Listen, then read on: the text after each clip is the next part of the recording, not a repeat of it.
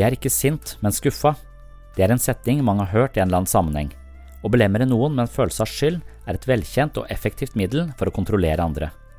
Vi kan fungere godt på alle områder i livet, men med disse menneskene føler vi oss hjelpeløse og forvirra. Følelsesmessig utpressing skaper en slags tåke av frykt, forpliktelse og skyld. Ofte gjør vi det utpresseren krever for å unngå en dårlig samvittighet vi i utgangspunktet aldri skulle hatt, men likevel har.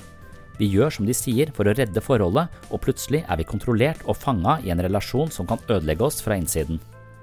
Ofte er det også slik at vi møter mennesker som ikke vedgår seg deler av sitt indre psykiske liv, men opplever at det vi er roten til deres uakseptable følelser. Vi risikerer å bli pålagt en byrde som den andre ikke vil bære, og noen ganger tar vi imot uten å forstå hva som skjer.